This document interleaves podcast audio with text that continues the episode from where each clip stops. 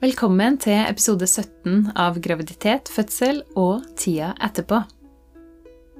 Mitt navn er Anette Hummel, og i dag har jeg med meg Julie Delia Li Steinfjell. Hun er 32 år gammel og mamma til Delia på fem og Jakob på to år, og gift med Nikolai.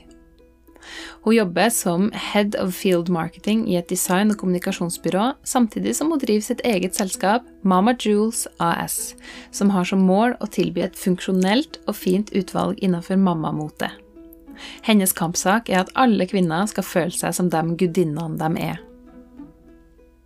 I dag deler Julie sin første fødselshistorie, og hun forteller om hvordan det var å være førstegangsfødende og få et barn med hjertefeil. Hjertelig velkommen hit, eh, Julie. Takk. Kjempeartig at du hadde lyst til å komme hit og fortelle din fødselshistorie. Ja, veldig, veldig artig å få være med. Kjempeflott. Kan ikke du starte med å fortelle litt om deg og din familie? Eh, jo, det kan jeg. Eh, mitt navn er jo da Julie Delia Li Steinfjell. Jeg er gift med en som heter Nikolai, eh, som jobber som CFO i eh, Skansa. Eh, vi har to barn, en som heter Delia på snart fem, og en som heter Jakob på snart to.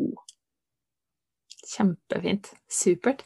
Og i dag så skal vi snakke mest om den første graviditeten og fødselen din. Mm. Eh, hvordan var det svangerskapet? Oh, ja, um, det svangerskapet uh, det bydde på ganske mye forskjellig. Altså det var veldig Det gikk veldig opp og ned, holdt jeg på å si. Jeg hadde en veldig sånn klar tanke på eh, hvordan jeg ville at det skulle være, eller hvordan jeg hadde på en måte sett og blitt fortalt at det skulle være. Um, så jeg var veldig klar for å uh, stråle, og på den tiden så gikk jeg veldig, uh, veldig mye i uh, høye hæler og kjoler og sånne type ting. Um, så jeg var klar for å liksom være litt den derre suburban housewife-moren. Um, men det merket jeg ganske raskt at det måtte jeg bare legge, legge fra meg. Um, for det, det, det, var ikke like lett å finne på en måte de klærne som jeg ville ha, og, og følte liksom at jeg eh, trengte. Um, eh, og svangerskapet i seg selv der lå jeg de tre første månedene i en eller annen sånn loop um, hvor, jeg, hvor jeg Når jeg sov og telefonen ringte, så trodde jeg at jeg hadde våkna. Og så hadde jeg ikke våkna, uh, for jeg var, altså jeg var, så sliten. Jeg var, jeg var helt borte. Sånn superklassisk kvalm, trøtt, altså alt det greiene der. Og det var mye verre enn det jeg trodde. Mm. Og så gikk jo det litt over, heldigvis. Og jeg ble bare større og større. Jeg gikk jo opp totalt 36 kilo. Så det er jo uh, ganske mye. Jeg er jo ganske slank fra før av, så det var veldig, veldig mye. Det la seg litt sånn overalt, så, um, så, jeg følte meg veldig, veldig stor. Så det var, det var noe nytt. Jeg hadde også sett for meg at jeg bare skulle være en liten sånn sporty sånn turt mamma eller sånn når jeg var gravid. Mm. Ja, det er vel på en måte det jeg husker sånn umiddelbart om svangerskapet. Mm. Ja, Så det ble ganske annerledes enn du hadde sett for deg på forhånd, da? Ja, uten tvil. Uten tvil. Hvordan var følelsene dine rundt det? At det ble så annerledes?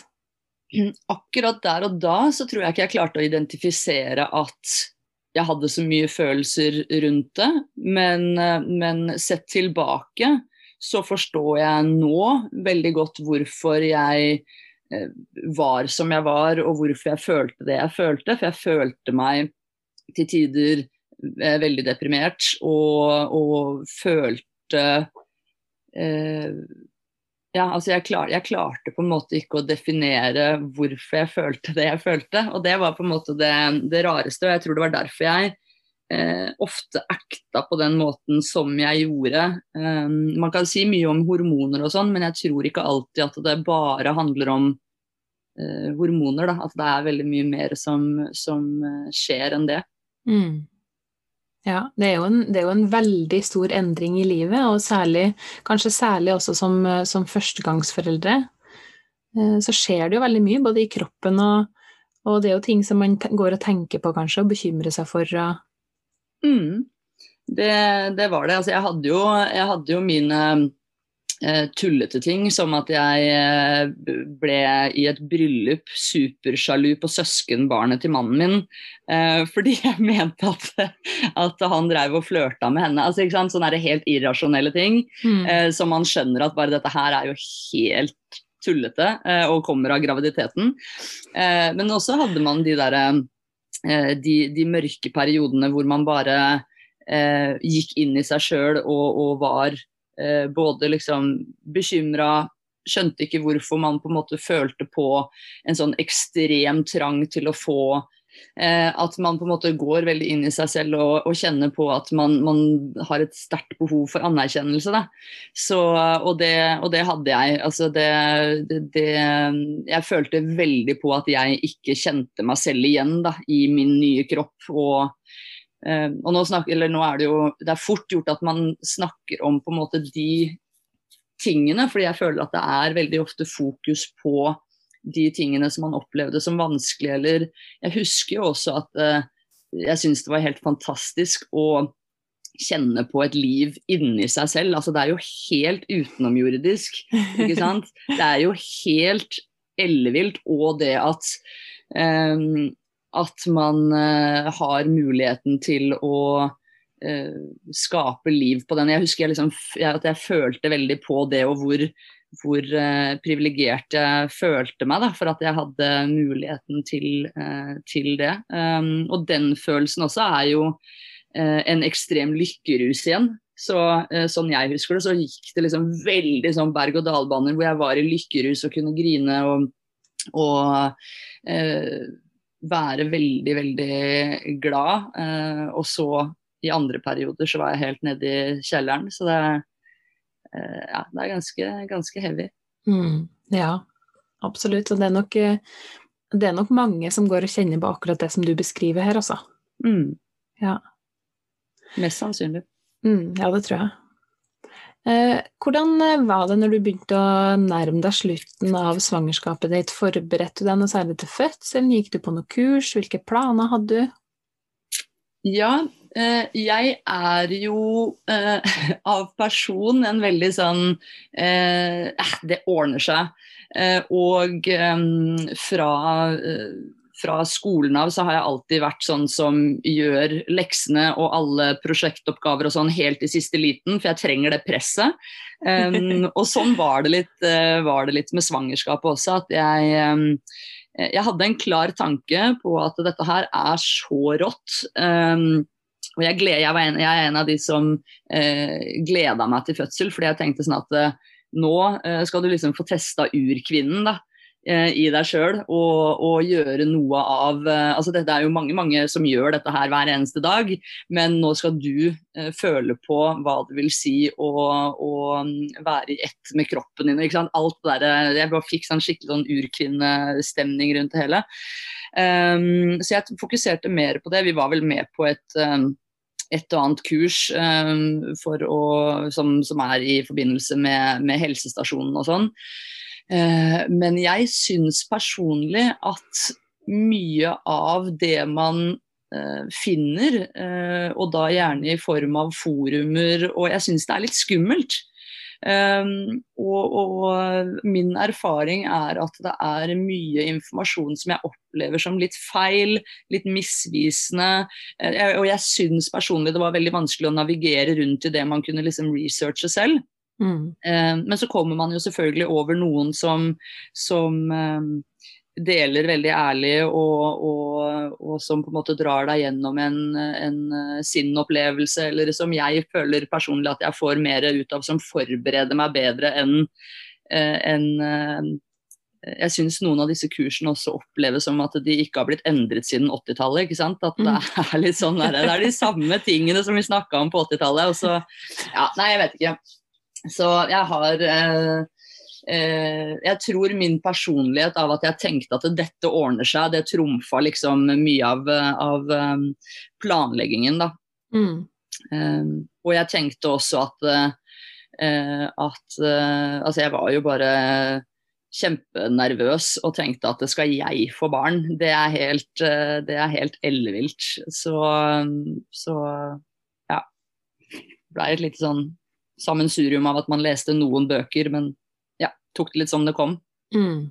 Ja, skjønner.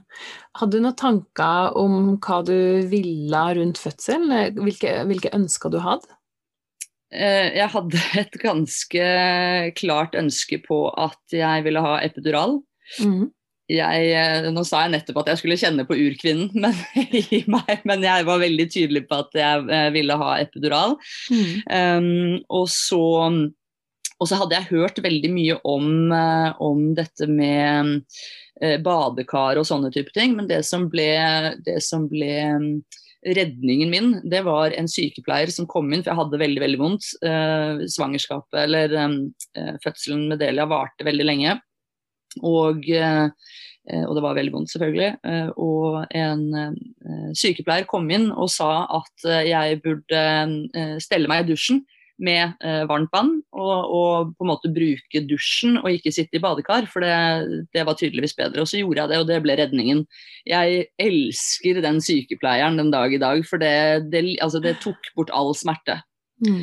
Eh, de måtte bare komme inn og sjekke med et sånt eh, sånn eh, temperaturmåler en gang iblant. For jeg hadde jo, det var jo glovarmt vann. Eh, så eh, bare sånn at det ikke kokte inn i magen min, holdt jeg på å si. Det, yeah. Så, um, så, jeg tror jeg satt i dusjen i åtte timer jeg, i strekk. Oi, oi, oi. Så der, der satt jeg og, og, smitte, nei, og smertelindra. Ja, ikke frem. sant. Mm. Men eh, nå når vi er inne på sjølve fødselen, kan vi starte helt fra starten av. Hvordan, hvordan begynte fødselen din? Fødselen begynte hjemme i titiden. Ehm, på, på, kvelden. Så, så, det er jo også sånn man tenker. Jeg husker Nikolai bare Faen, starta det nå? Uh, ja. For da har man liksom hele natta ikke sovet. Så jeg husker at han lå på gulvet og, og sov. Uh, og um, jeg kjente at ok, nå er det noe som ikke stemmer, men jeg tenkte bare jeg gidder ikke å plage han med det enda. Jeg kjenner litt, uh, kjenner litt på det litt til.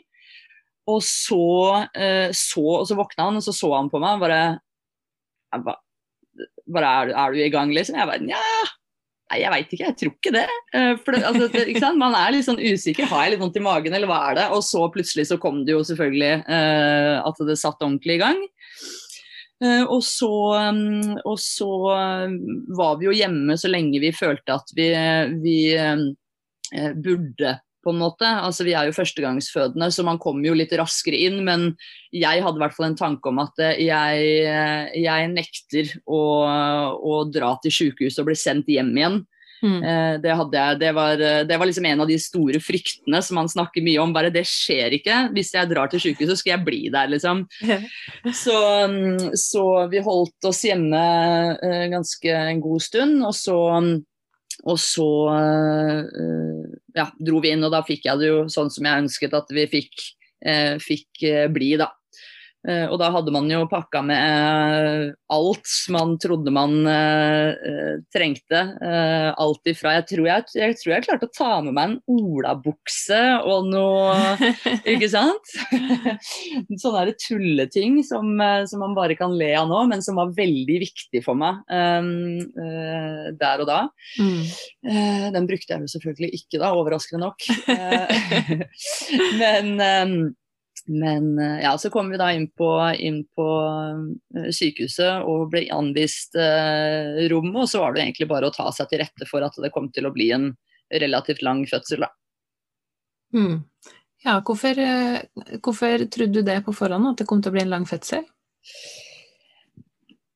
Egentlig bare fordi at man hører om det. At det tar som regel ganske lang tid eh, med den første. Så det var det jeg var forberedt på. Um, mm. Hadde jo tatt med proviant for en uke eh, i, i, sekken med alt man måtte, måtte trenge. Men uh, nei, jeg, jeg, vet ikke. Det var kanskje en kombinasjon av hva jeg hadde hørt og at jeg bare følte det på meg at, um, at dette, dette, kom til å ta en stund. Mm. og det tok vel totalt sett 26 timer Eh, eh, tror jeg.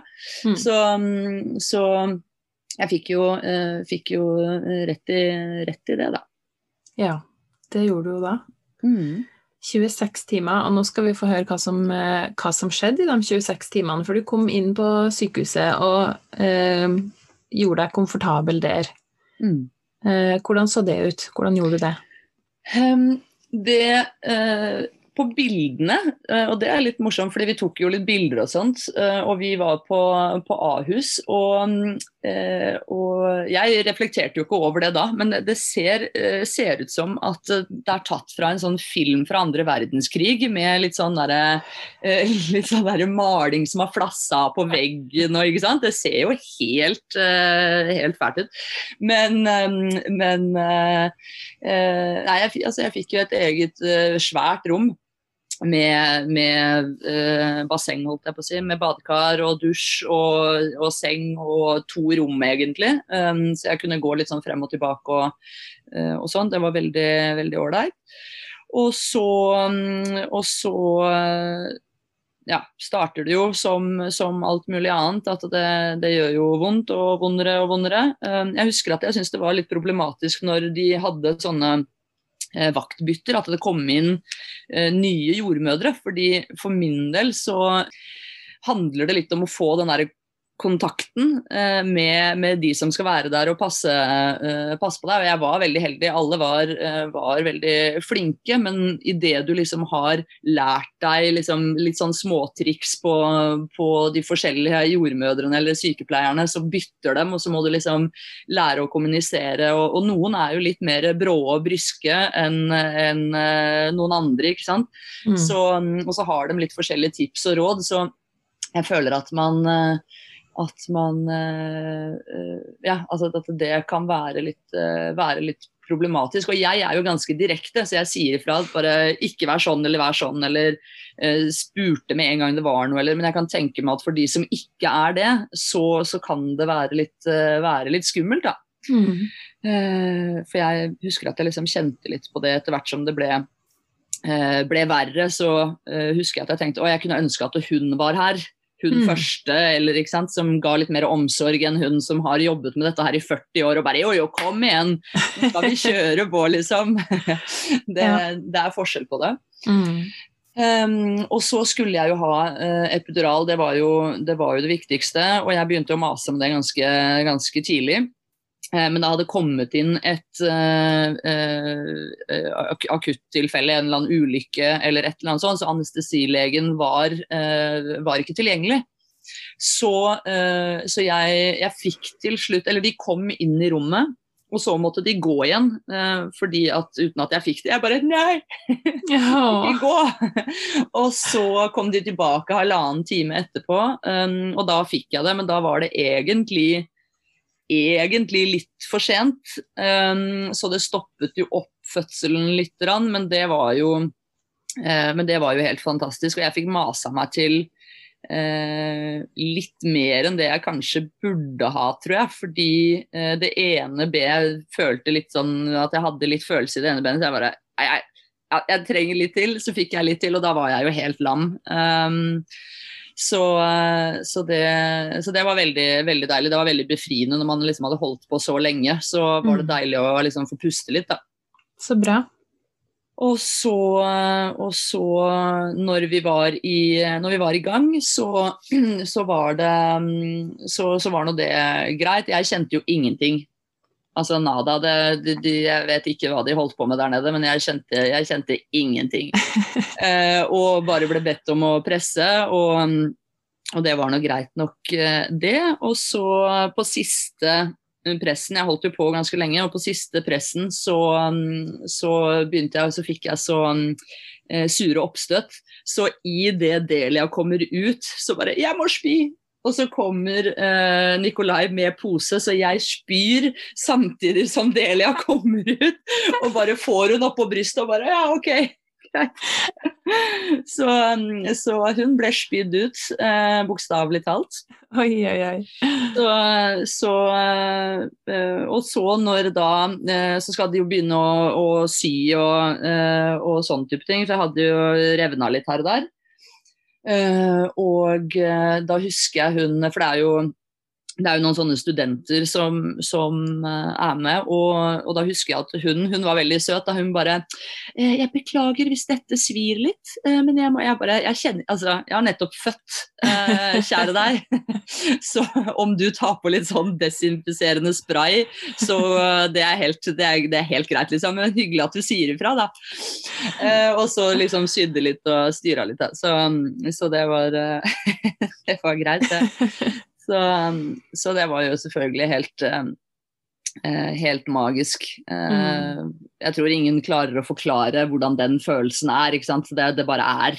Mm. Eh, det er helt ellevilt. Um, så, så ja. Nydelig. Mm. Kjempefint.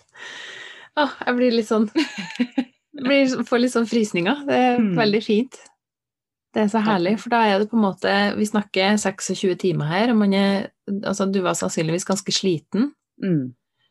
Og du snakker om at du fikk epidural, så du ble lam i hele underkroppen, og at du spydde idet babyen kom ut, og så kommer babyen opp på brystet, og så er på en måte alt bra.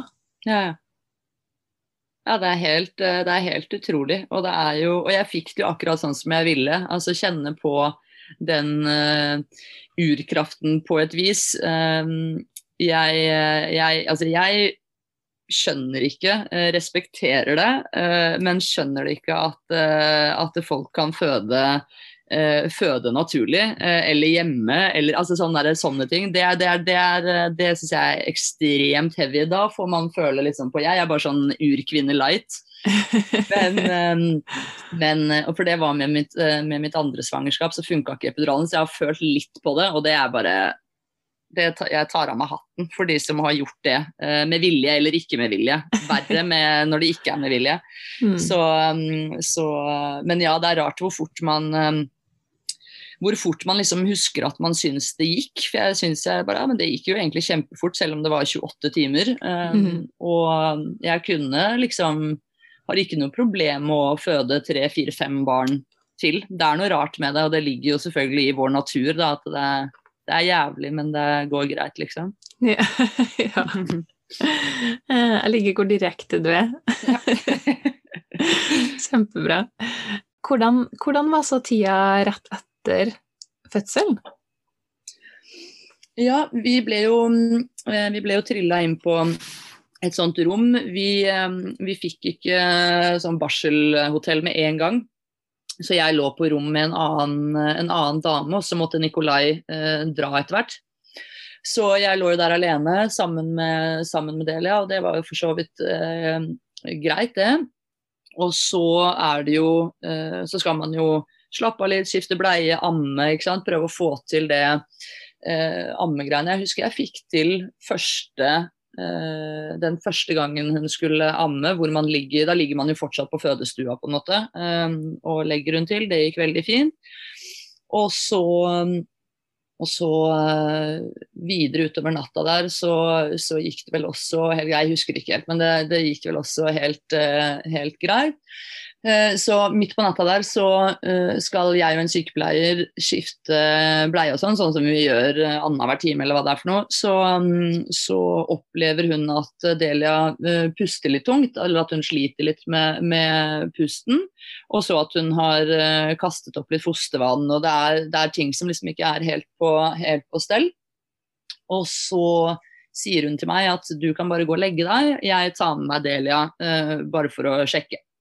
Og det syns jeg var veldig snilt, for jeg var jo kjempesliten. Så jeg bare ja, det er helt greit, uh, ta henne med deg. Så sover jeg. Det, det høres ut som en fantastisk god plan, tenkte jeg.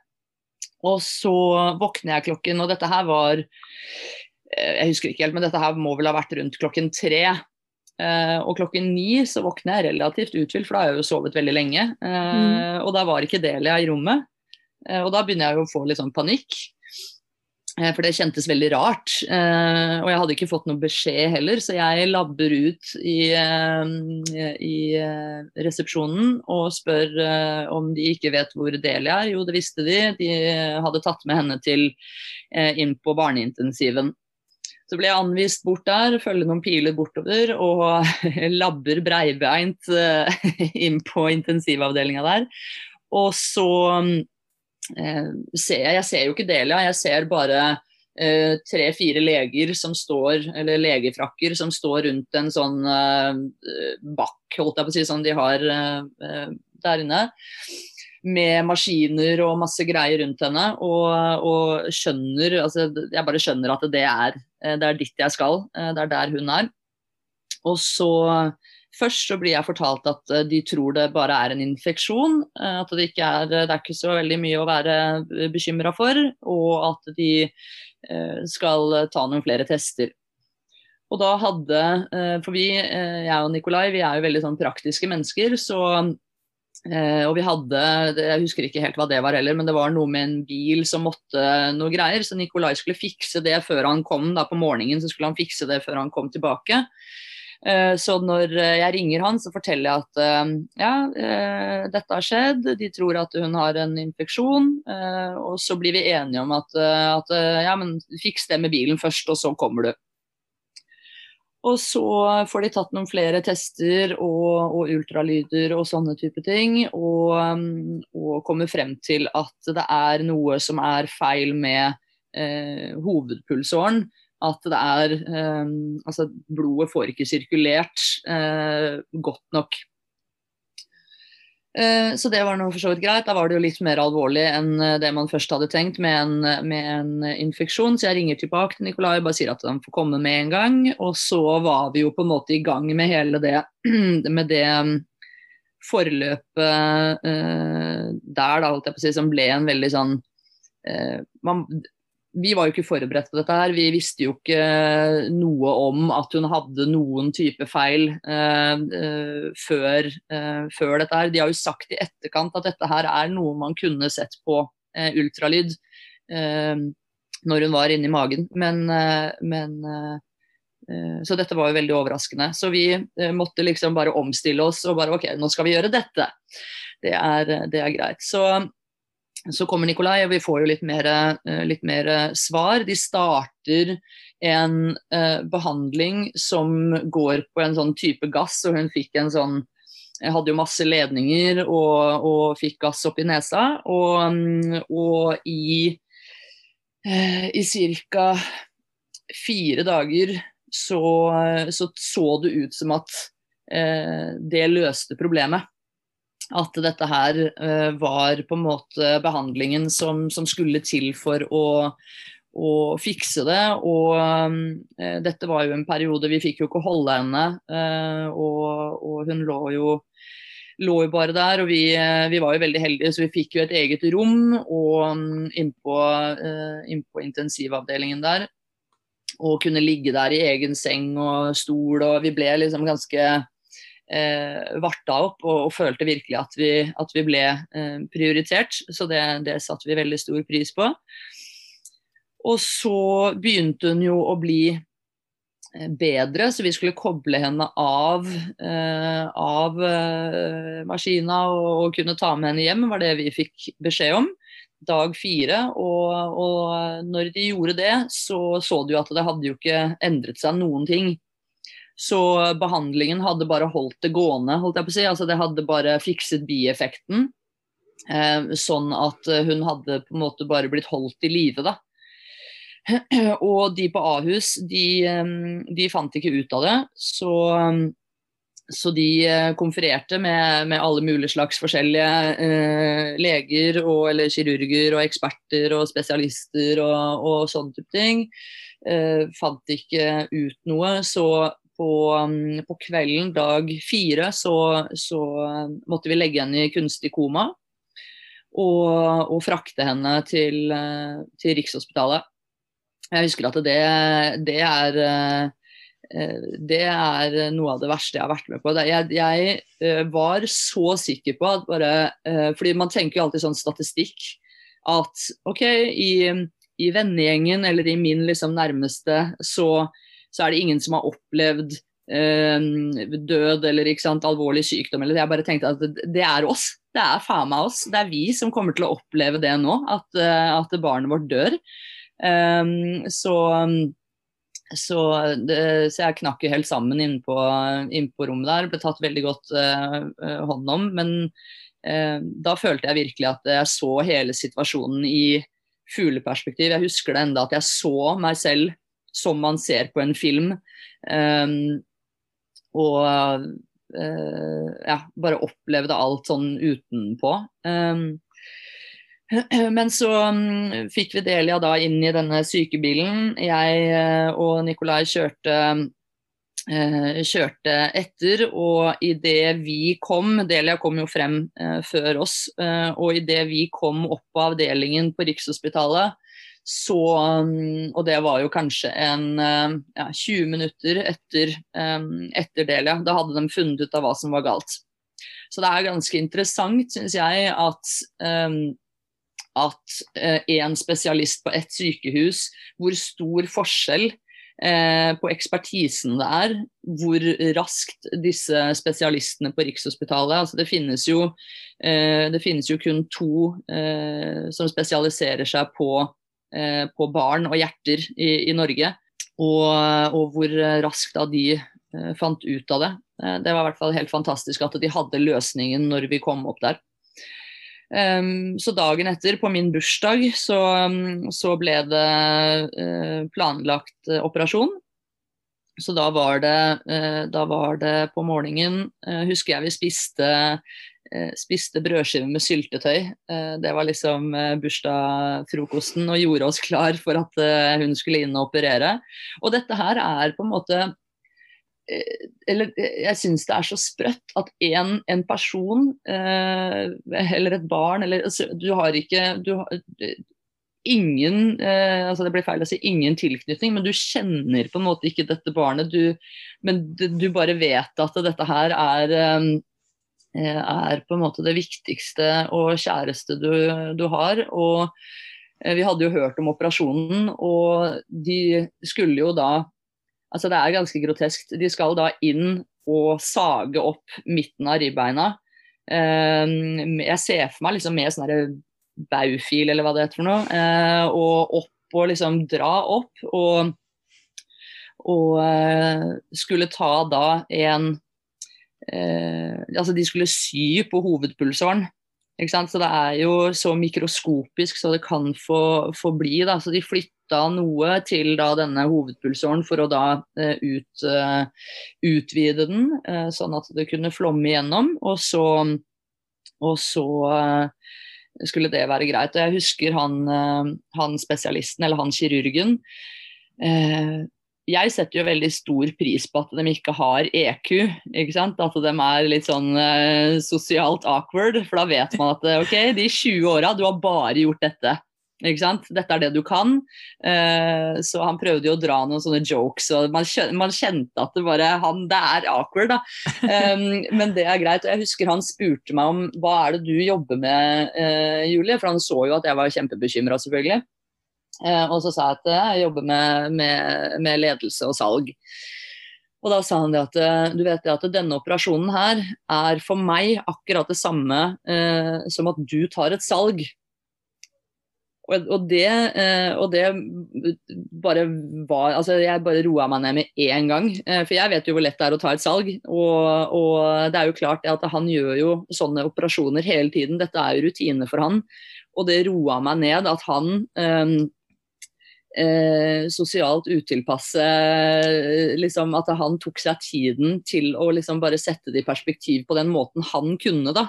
Mm. Eh, det var bare Ja, det var veldig deilig. Så da roa jeg meg relativt eh, godt, eh, godt, ned. Og så tok jo operasjonen eh, tok jo ikke så, så lang tid, to timer eller noe sånt. Og så var det jo egentlig bare å, å observere, og ting eh, gikk bra. Så, så, det var, så, det var, jo veldig fint. Og um, vi, jo, vi hadde jo et veldig langt sykehusopphold etter det. Så man, um, man uh, har liksom fått kjenne på å, å spise mye tomatsuppe og toast og sykehusmaten som, som, er der. Mm. Men, men ja, alt i alt så, så, gikk det veldig bra. Det har vært veldig interessant nå under korona med så mye antibac. Um, ja, vi har jo på en måte ikke tenkt så veldig mye på det i etterkant, men hver gang jeg lukter eh, antibac, så blir jeg tatt rett tilbake inn på, inn på sykehuset der. Eh, så det har vært, eh, vært, litt, eh, vært, litt, spesielt. Da er det jo tydelig at det virkelig har satt eh, spor i deg, da. Mm. Ja, det har det uten tvil. Det var en Mm. veldig rar eh, måte å starte eh, det å være foreldre på. Vi hadde jo sett for oss Mm. at vi skulle hjem dag to, da, ikke sant, og sette i gang. Men, eh, men det var jo også eh, Altså, se bort ifra årsaken til at vi var der, så var det som førstegangsforeldre også helt greit å, å være på sykehuset der. Vi fikk jo masse hjelp og tips og råd og Mm. eh, ble liksom veldig veldig godt ta, tatt vare på. Um, og jeg husker jo også på i løpet av, um, av dette sykehusoppholdet, så var det veldig viktig for meg å holde uh, melkeproduksjonen i, i gang. Så jeg satt jo inne på dette pumperommet. Uh, satt inne i sånne båser, sånne der, uh, kuer og og pumpa hørte liksom den ene sånn Pumpa gikk innpå der. Men det ble en sånn avkobling, ikke sant. At, man, eh, at jeg i hvert fall hadde det som en sånn rutine. At jeg skulle gjøre det. Det var jo dritslitsomt, men, Mm. og ikke så veldig stas at det var liksom første møte med amming. Men, eh, men eh, jeg visste liksom at jeg gjorde det, gjorde det for Delia. Mm. Og at det var viktig for meg at hun fikk i seg morsmelk i starten.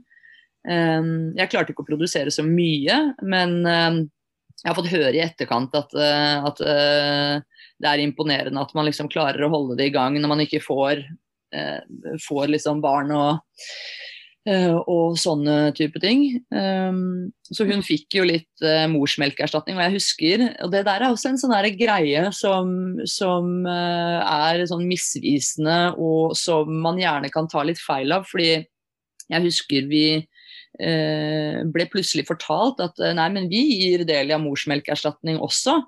Eh, og jeg husker jeg ble helt sånn derre eh, krakilsk på et eller annet vis. Sånn der, Hæ, nei, hun skal ikke ha morsmelkerstatning. Fordi jeg hadde liksom en tanke om at det ikke var bra nok eller bra eller Um, og, og, de fikk det også til å høres, høres ut som at hun fikk det istedenfor min morsmelk. Og? Altså det var, hun fikk jo selvfølgelig den først, men hun måtte jo ha mer.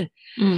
Men, um, men bare eh, fra jordmødre og, og sånn på helsestasjon og hva man leser, og jeg tror man blir veldig eksponert for at eh, det ene er så vanvittig mye bedre enn en det andre, og på den måten så tenker man automatisk at morsmelkerstatning absolutt ikke er bra, eh, Mm. og ikke bra nok. Og så drar man det videre til at du ikke er bra nok som mor hvis du ikke klarer å produsere. ikke sant? Det var det som gikk opp i hodet mitt.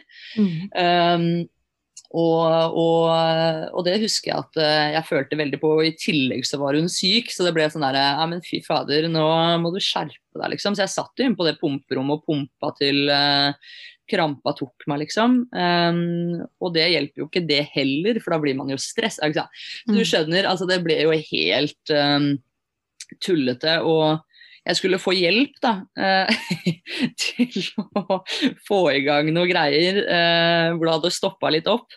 Og da eh, var det en sykepleier som eh, Vi satt liksom inne på kontoret hennes. Eh, veldig sånn sterilt kontor som hun hadde prøvd å pynte opp. Og så skulle hun eh, hjelpe meg, og da sitter Nikolai ved siden av meg. Og så begynner hun å håndmelke meg. Mm. Og jeg bare ok, bare OK, hva er det som skjer nå? Dette her er så rart, liksom. At jeg Nei, det, var, det, er, det er kanskje den mest um, ubehagelige opplevelsen. Det var veldig, veldig rart. Uh, og da lukka jeg meg på en måte helt. Da ville jeg jo ikke ha noe mer hjelp, for det var liksom Fader.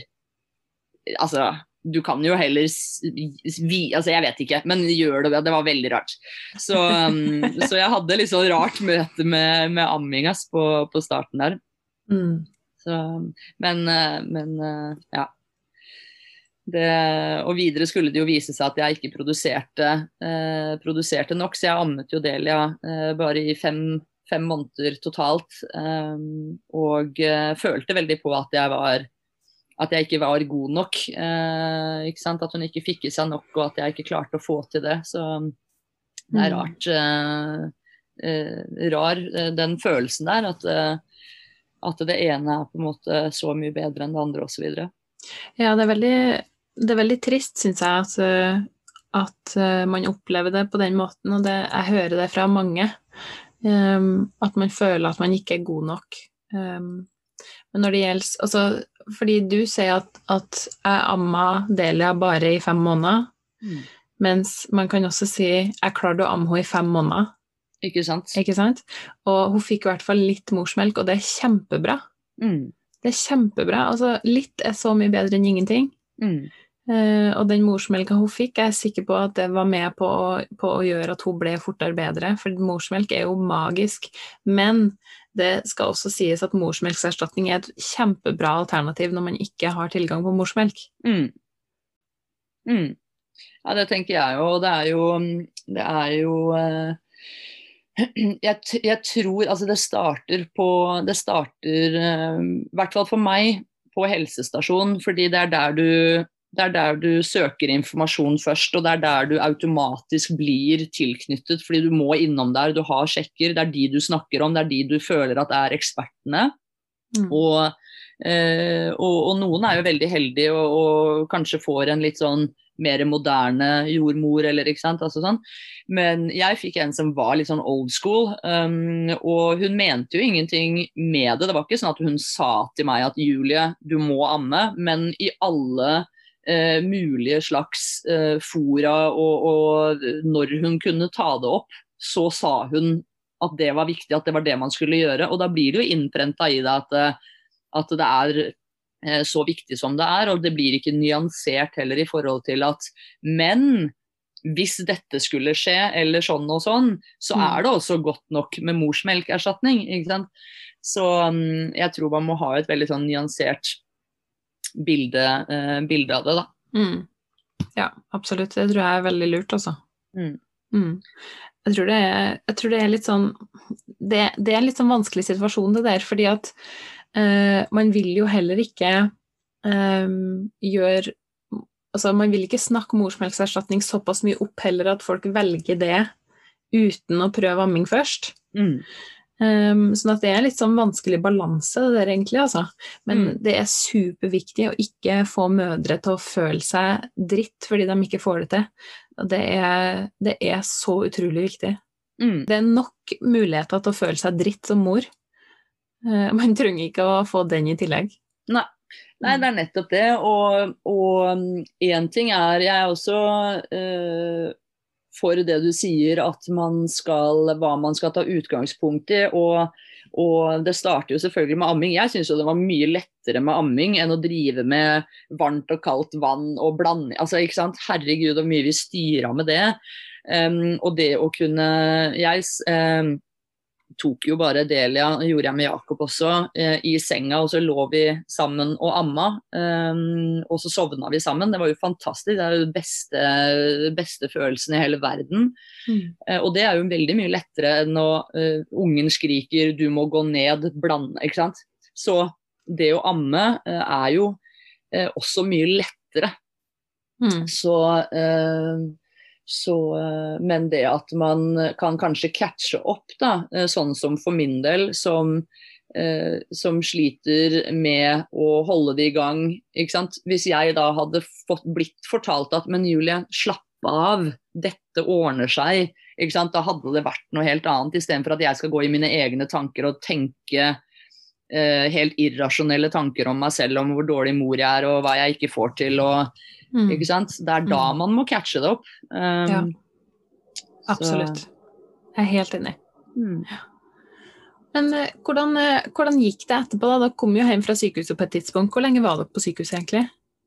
Vi var totalt sett på sykehuset i litt over fire uker. Mm. Så, um, så, uh, Og når vi kom hjem, så var vi jo veldig det Da gikk jo alt veldig greit, for da hadde vi jo, hadde vi jo fått uh, spesialopplæring på, på, sykehuset. Så vi mm. følte oss veldig godt utlært som førstegangsforeldre. De fortalte jo at det Delia gikk igjennom, er en veldig sånn typisk um, krybbedød-årsak. At, uh, at, den, altså at, hovedpulsåren bare snevrer seg inn, og så slutter babyen å puste. Mm. Så jeg er jo veldig takknemlig for at hun sykepleieren oppdaget det. Det er jo jobben hennes, selvfølgelig, men alle kan ha en dårlig dag Mm. og overse forskjellige ting. Så jeg husker jeg var veldig takknemlig for at hun, at hun tok de valgene hun tok. Um, Mm. Og at Eller de har jo ikke sagt det, men de har sagt det litt sånn forsiktig at, at hadde de ikke lagt merke til det, så hadde vi våknet opp, og så hadde Delia vært eh, død. Um, det var ikke spørsmålet ditt, for så vidt, men, uh, men når vi da uh, kom hjem, så var det jo på en måte å komme inn i, uh, inn i normalen. Vi måtte jo bære Delia litt annerledes. det er jo vanlig at man bærer med at man tar under armene, det kunne ikke vi gjøre, så vi måtte jo fortelle alle at de måtte ta under. Um, og, og, ja, man blir jo litt mer forsiktig og uh, sånn type ting. Og jeg husker jo vi hadde jo de samme utfordringene som jeg tipper alle uh, møter på i eller annet, i en eller annen type form. Det å være førstegangsforeldre. Man tviler jo på alt og lurer på om man gjør ting riktig og, og googler og ringer leger eh, annenhver dag. ikke sant? Så vi hadde jo liksom litt det samme greiene. Um, det verste var nok, var nok ammingen, fordi, fordi at hun ikke fikk i seg nok. Så når hun da hadde ligget ved begge puppene og spist, og man følte at hun hadde ligget der kjempelenge, og så skreik hun fortsatt, så skjønte man jo ikke helt hva det var. Men det var jo mest sannsynlig fordi at hun ikke hadde fått den tjukkeste melka, hun hadde ikke blitt mett. Så vi liksom holdt på med det ganske lenge og opp og ned og prøvde å berolige henne. men og Det er litt ubehagelig å vite på en måte i etterkant at det mest sannsynlig var fordi at hun ikke hadde fått spist nok. ikke sant? Så det var litt sånn eh, sånne ting. Men vi har vært eh, eh, vi har vært veldig heldige. Og altså sånn kolikk og de tingene der, det unner jeg ikke min verste fiende. Vi har et vennepar som, som opplevde det med, med sitt barn. og Uh, og det høres helt forferdelig ut. Uh, så, så, det at vi liksom fikk uh, har fått barn som har sovet, det er jeg ekstremt takknemlig for. For jeg tror du som forelder, så lenge du får litt søvn, så tror jeg du kan håndtere og takle det meste. Mm. Så, så det, det, har jo selvfølgelig gått i perioder, men, men alt i alt søvn, det, det, er jeg takknemlig for at jeg har fått i så stor grad som jeg har, da. Mm, det blir ja. litt lettere da.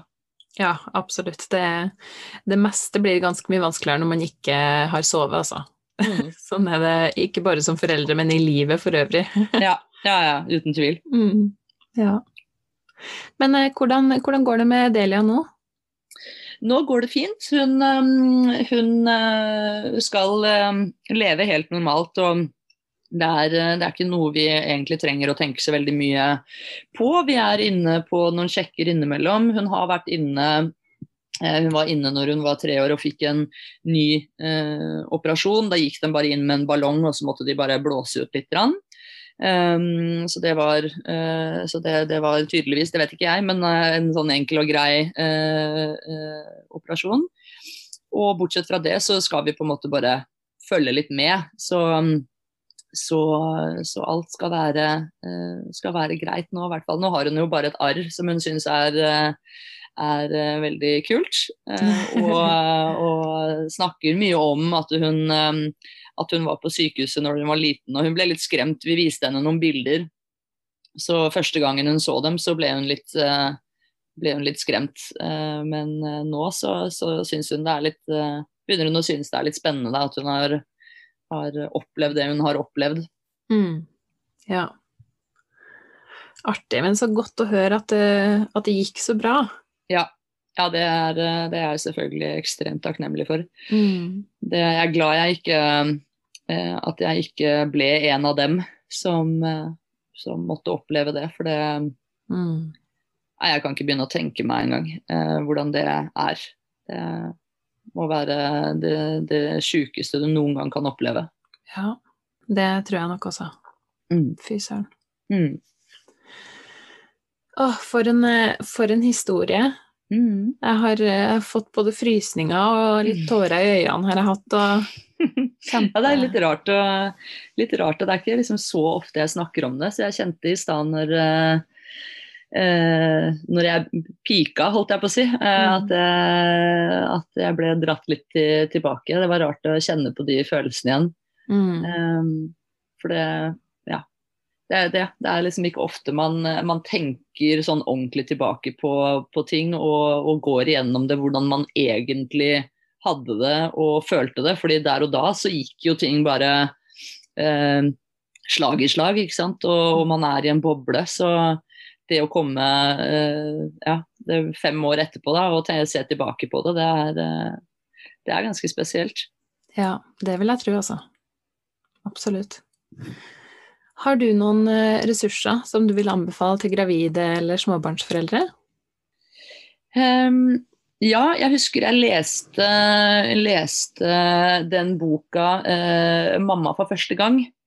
Mm. Eh, den syns jeg- Ja, den Mm. syns jeg var, var helt fantastisk. Og så hadde jeg en annen, jeg husker ikke hva den heter, men en sånn liten blå bok som er, um, som er litt sånn morsom. Jeg, jeg liker veldig godt å lese om sånne ting på en litt morsom eh, måte, fordi jeg opplever at man veldig ofte tar opp eh, altså Jeg holdt på å si alt ifra at man bæsjer da, til at man ikke sant, Bare at det er på en litt sånn morsom eh, måte. Og, eh, og, og også samme med med Instagram og man, hvem og hva man følger. Eh, Jeg liker å følge eh, sånn som Stine Hartmann og, og Monica Nyhus eh, og Iselin Guttormsen, som bare er ærlige og forteller det som det er.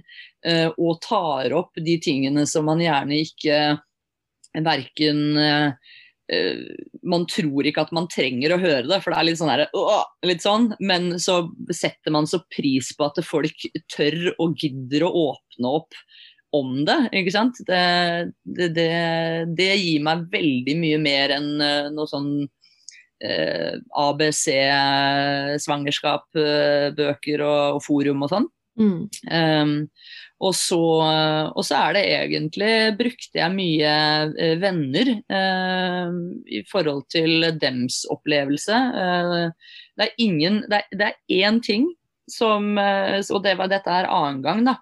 Men etterrier, Mm. f.eks. Ingen som har fortalt meg om etterrier. Eh, Så det er, sånn, det, er, det er en sånn ting jeg føler at jeg skal eh, få ut der og bringe videre. At det er nesten verre enn fødsel. Altså, det er liksom Bare forbered deg på det. Jeg husker at jeg syns det var superforferdelig. Men det er, ikke, det er ikke så ofte man åpner opp en bok og leser om de småtingene der. Mm. Eh, Så eh, ja. Jeg tror, jeg tror mitt beste tips er å finne, finne Instagram-profiler og podkaster hvor folk bare snakker ærlig og åpent eh, om det. Likte jo også, eh, likte jo også um, åh, Nå står det jo eh, Tønne og Tusvik. Ja, Mm. ikke sant? Eh, de har også snakket en del om De hadde en periode hvor de snakka veldig mye om fødsel og, og sånne ting, selvfølgelig, når de eller hun eh, gjorde det sjøl. Men, Mm. eh, men det var også fantastisk. ikke sant? Bare få litt humor på det og eh, snakke om alt mulig rart, eh, tror jeg er viktig. Da catcher man opp veldig mye, da. Ja. ja, ikke sant. Kjempefint. Og så tror jeg det er riktig Jeg tror du har helt rett i at det er lurt å finne noe som fenger deg. Mm. Du trenger ikke å lese den boka som alle andre har lest, bare fordi alle andre har lest den. Mm. Nettopp. Mm. Det tenker jeg også. Så for min del så ble det å holde meg unna sånne forumer og um, kvinneforum. Um, jeg har lest flere som har snakket om at de burde, burde starte en underskriftskampanje for å få de forumene bort. Um, for jeg mener at de er ganske At det er ganske toxic uh, kommunikasjon og, og uh, mye feil informasjon. Altså, så jeg tror mitt tips er å holde seg unna forum, eh, og som du Mm. sier, finne det som fenger deg, eh, og ikke bry deg så veldig mye om hva eh, alle andre gjør og sier og tenker. Eh, jeg har et eh, eh, eh, ja, en ganske sånn enkel tanke om at eh, jeg gjør det som er best for mine barn og, og for meg og for eh, Nikolai og familien vår så lenge det er innenfor holdt på å si, rimelighetens grenser og, og holdt på å si, ikke ulovlig og ikke bra, på en måte, så, så, tenker jeg at man står ganske fritt til å styre uh, sitt eget familieliv, altså. Mm. Det, ja. det, er noe med det å finne sine egne regler og måter å gjøre ting på. Mm. Kommer man langt. Ja, absolutt. Uh, man trenger ikke å måle seg så veldig opp mot andre, og det er det som er veldig fort gjort å gjøre i sånne forum. Ja, ja, ja man gjør jo det, og det gjør man jo, det gjør man jo uansett. Og, mm jeg tar meg jo selv i det, eh, jeg også, selv om jeg prøver å ikke gjøre det. Men eh, det er jo sånn vi er som mennesker, at vi, at vi eh, ser og hører og tenker, og så drar man det inn i sitt eget liv, hva man burde gjøre. og så ja, jeg tenker at man Det der får man bare Man må senke skuldrene litt og, så, og tenke at det ordner seg. Det er i hvert fall mitt mantra, at det meste ordner seg alltid. Det, mm. det gjør jo det. Det gjør jo det. Mm. Mm, det er et veldig godt uh, livsmantra å ha. Mm. Um, hvor kan folk finne ut mer om deg, eller finne deg på sosiale medier og sånt?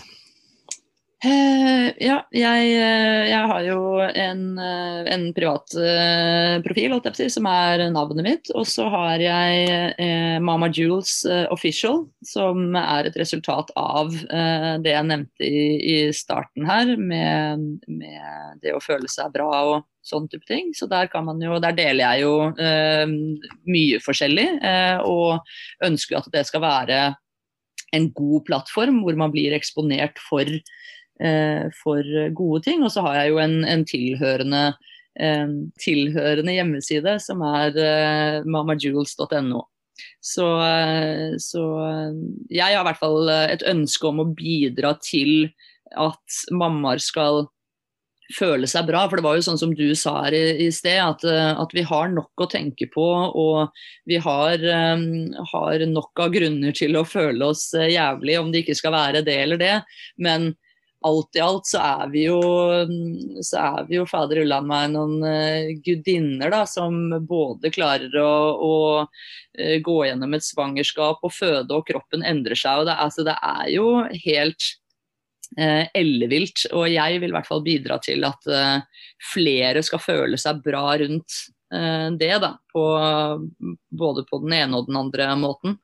Mm. Så det er egentlig det mine plattformer på en måte handler om, da. Ja, kjempebra. Nydelig. Det er jo en fantastisk målsetning å ha. Mm. Ja.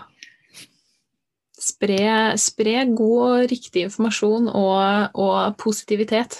Mm. Mm. Det tror jeg er veldig viktig. Vi trenger ja, det. Det gjør vi. Absolutt. Mm. Det kan vi ikke få for mye av. Nei. Mm. Tusen, tusen hjertelig takk, eh, Julie. Jeg føler at du virkelig har, eh, du har gitt oss veldig mye av deg sjøl i dag. Takk i like måte. Det, det, var veldig eh, hyggelig å få lov til å, å, dele. Jeg vet at jeg kommer til å, og holdt på å si legge på nå, og så, og så, på en måte sitte litt i følelsen enda. For det var litt rart å, å dra det opp igjen. Men det er jo også veldig godt å, å snakke om de tingene der. Så, mm. så, takk for det, at jeg fikk lov til å snakke om det igjen. Det, det, var, det var fint, det. Mm, det, var, det var en glede å ha deg med. Takk. Takk for at du hørte på graviditet, fødsel og tida etterpå. I neste episode snakker jeg med Norges første sertifiserte fertility awareness-pedagog og coach innenfor helhetlig hormonell helse, Siri Kalla. Vi snakker om menstruasjonssyklusen etter fødsel. Er det egentlig sånn at alle får en tyngre menstruasjon etter at de har født barn? Hvor fort kan du egentlig bli gravid igjen etter fødsel? Og når kommer egentlig menstruasjonen din tilbake? Hvis du likte denne episoden, er det supert om du legger inn en anmeldelse eller deler podkasten med noen du tror vil ha glede av den. Ikke glem å abonnere, så får du beskjed når det kommer nye episoder. I tilfelle det var noen tvil, så vil jeg også nevne at jeg ikke er verken lege eller jordmor. Temaene som tas opp på denne podkasten, er kun ment som generell informasjon, ikke som råd eller oppfordring til handling. Hvis du har spørsmål eller bekymringer når det gjelder din egen eller ungene dine sin helse, så vil jeg på det sterkeste anbefale at du snakker med legen eller jordmora di.